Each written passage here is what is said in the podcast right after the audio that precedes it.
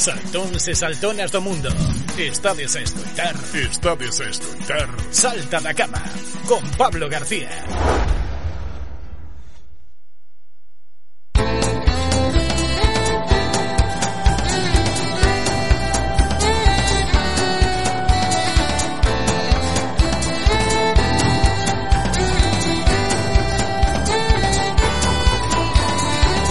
Estamos de volta, un saudiño, saltón, saltonas deste que vos fala Pablo García.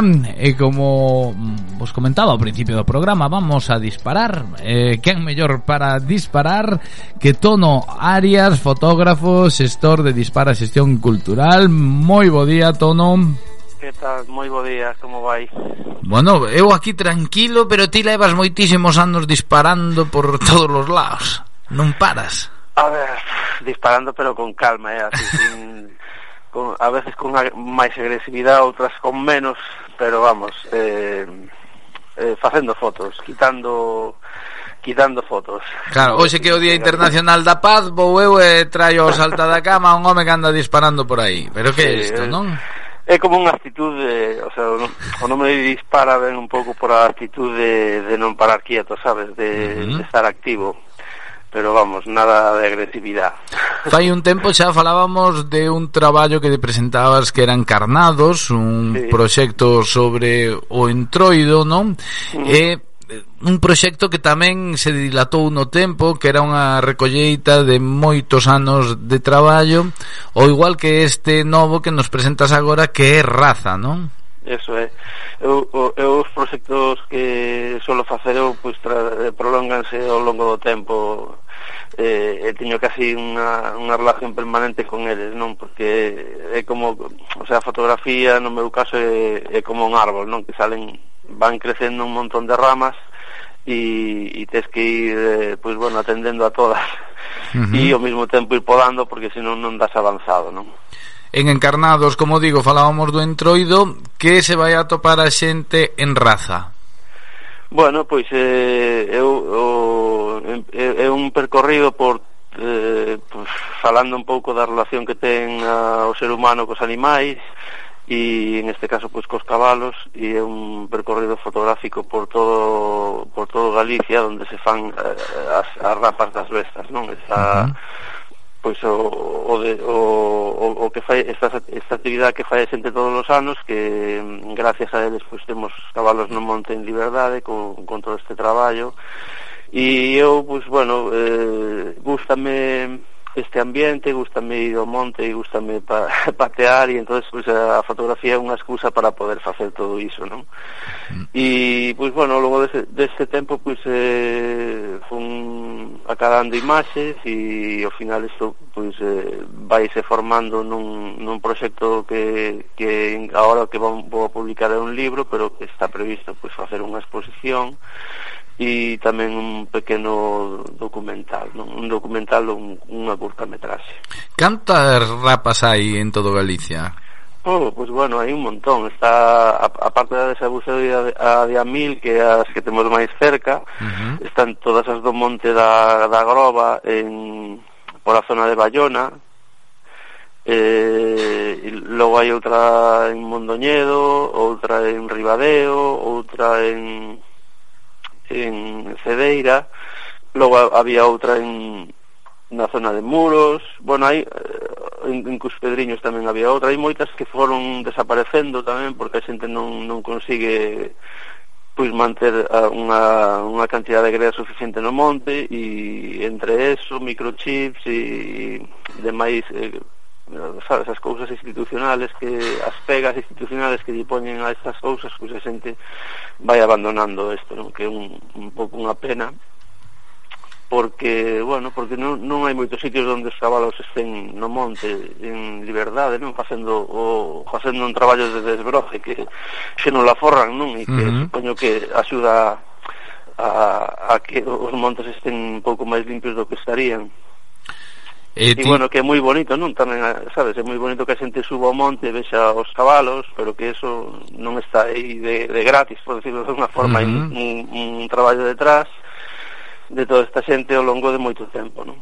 e todo este cariño que lle tes ti ao monte, ás bestas, e sobre todo a difusión do que é a nosa cultura e a nosa tradición decidiches eh, facer un proxecto, como ben dis, que vai a ser moi completo e, e vai a ser transmedia, porque vai a ter a súa exposición, vai a haber unha curtametraxe e tamén vai a haber un fotolibro, non? E que para o que estás ti que dixeches, bueno, pois pues vamos a facer un crowdfunding para sacar este proxecto adiante, non?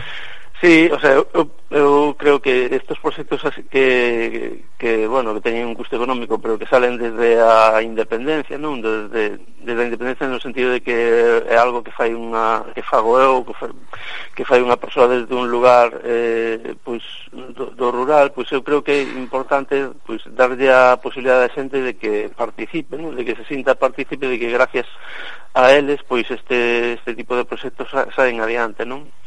E, bueno, este, o, o que o crowdfunding é unha especie de compromiso de compra, non? Que, donde, donde tú te comprometes a, a que vai a que vas a comprar eh, o libro e a e a cambio diso eso pues, dan, dan, o libro e, e o teu nome aparece nos créditos do libro pois pues, como patrocinador, non? Que bueno, eu creo que é bonito eso, non? Que É unha copia, o sea, unha compra adiantada, como se ti foras a reservar un libro, pero a, a maiores en lugar da firma do, do autor o que aparece nos agradecementos é o teu nome, non? Eso é unha das recompensas como mínimo, non? Eso é e, bueno, pois pues, como che comento, creo que, que é bonito, non? Que un que aparezca aí e que, e que como participe de, de un de un proxecto que que ademais, pois sin ser así, pois tampouco se podría sacar adiante, non? Porque son cousas que de, de eh, estos temas son cousas de públicos moi reducidos e non, non teñen o interés xeral da xente, por decirlo de alguma maneira, sabes? Uh -huh. Non é unha novela nin algo que lle interesa a gran maioría. Bueno, eh, achegarnos á natureza e a realidade social do rural de Galicia desde a perspectiva de un fotógrafo que ama a natureza e que viveu tanto tempo eh, no medio do monte coas bestas porque este proxecto eh, de, dura alrededor de 10 anos, non? Sí. Entón, so, nestes 10 anos seguro que acontecerían moitas anécdotas e eh, ese amor polas bestas e polos montes se vería aínda máis reforzado, non? Aínda que ás veces dirías que me mandaría a min estar aquí, pero pero bueno, seguro... A ver, pa, eh, Eh, estas cousas de, de a min físicamente venme moi ben eh, ir ao monte e andar e ver os cabalos e bueno, a, a, axudarlle ou entorpecer moitas veces no? o traballo desta de, xente pero a min sí que eu acabo lle pues, collendo moito pues eso que tiris, moito cariño os cabalos non? E, a, e a xente en xeral a, ese, a esta xente non? porque non sei, son animais pois que os ves tan poderosos e, e, e tan tan fortes, non, que, que non que, que non cansan nunca, que, que corren de aquí para lo e que teñen unha potencia pois increíble, non? E que, que, e que logo son, non deixan de ser, non deixan de non deixa de ser un estes animais non deixan de ser como a nós, non ten ten como teñen como os mesmos comportamentos similares aos, aos das persoas, non? Uh -huh. Porque ti que te sentías máis máis canso fai 10 anos ou agora estás máis en forma? que pregunta, tío.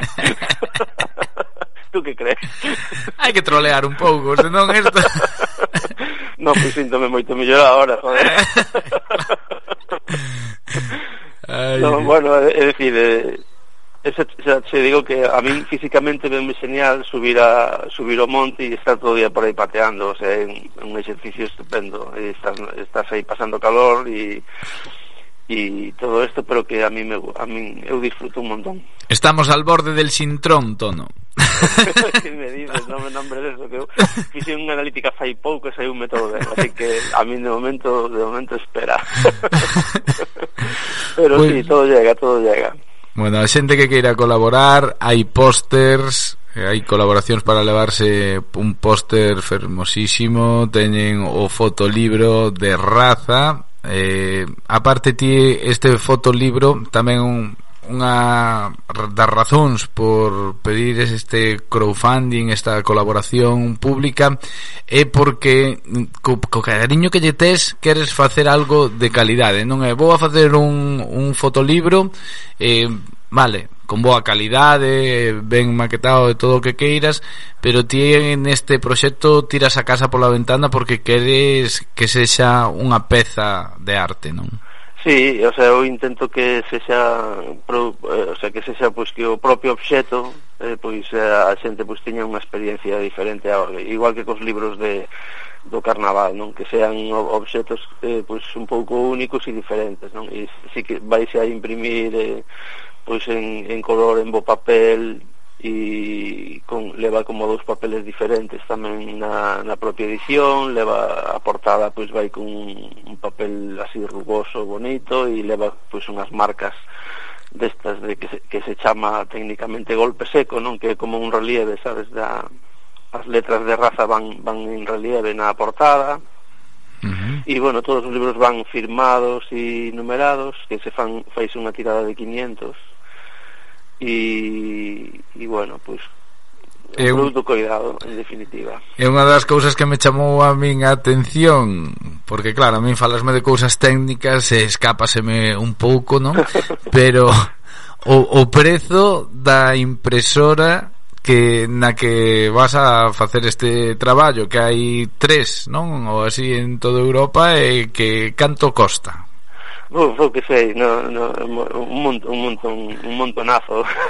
Cantos millóns de euros costa unha impresora donde Tono Arias vai a facer o seu traballo, non? Pois pues, se chamas unha imprenta igual se dice así máis justamente, pero si, sí, 80 millóns de euros ou, ou máis costan, sí. Uh -huh. Son unhas impresoras eh, moi, o sea, moi complexas, eh, son unhas máquinas moi grandes de, de imprimir, e esta en concreto pois, é unha máquina que ten unha, eh, que é unha tinta que é reciente que é de secado instantáneo non? Que, que normalmente cando se imprimen máquinas de offset pois a, a imprimen eh, imprimen unha cara do papel, por decirlo de alguna maneira, e eso queda a secar, e o día seguinte, o seguinte, imprime esa cara a outra cara, non? Sabes que se fai como en un pliego grande de, de, de, de 70 por 100 ou de 50 por 70, entonces eso na, na tinta tradicional hai que imprimir unha cara, eh, deixalo amontonado, esperar a que seque esa cara e despois metelo outra vez na máquina e imprimir a outra cara, non? En este caso esta máquina ten unha tinta de secado, de secado instantáneo que, que se permite imprimir todo seguido, non? Bueno. Un, un nivelazo, un nivelazo sí. que a, a xente que colabore que encargue xa o seu fotolibro vais a levar un, unha obra de arte para a súa casa, edición limitada e aproveitade porque se encarnados o anterior proxecto de Tono Área sobre o entroido galego xa a, alcanzou cotas internacionais e, e recibeu mencións internacionais pois eh, raza non vai a ser menos. 10 anos de traballo que seguramente pois vai a dar moito que falar, nos aportamos o noso grado de area aquí eh, a, axudando a que a xente se anime, coñeza o proxecto, na descripción deste podcast teñen todas as ligazóns para poder colaborar e para poder informarse correctamente de todo. E nada, Tono, moito ánimo, e que vaya todo moi ben, que acades ese crowdfunding, e que teñamos xa pronto nas nosas mans raza. Pois pues, moitísimas gracias a vos, esperemos que así sexa. Unha aperta grande, moi bo día. Venga, bo día, chao.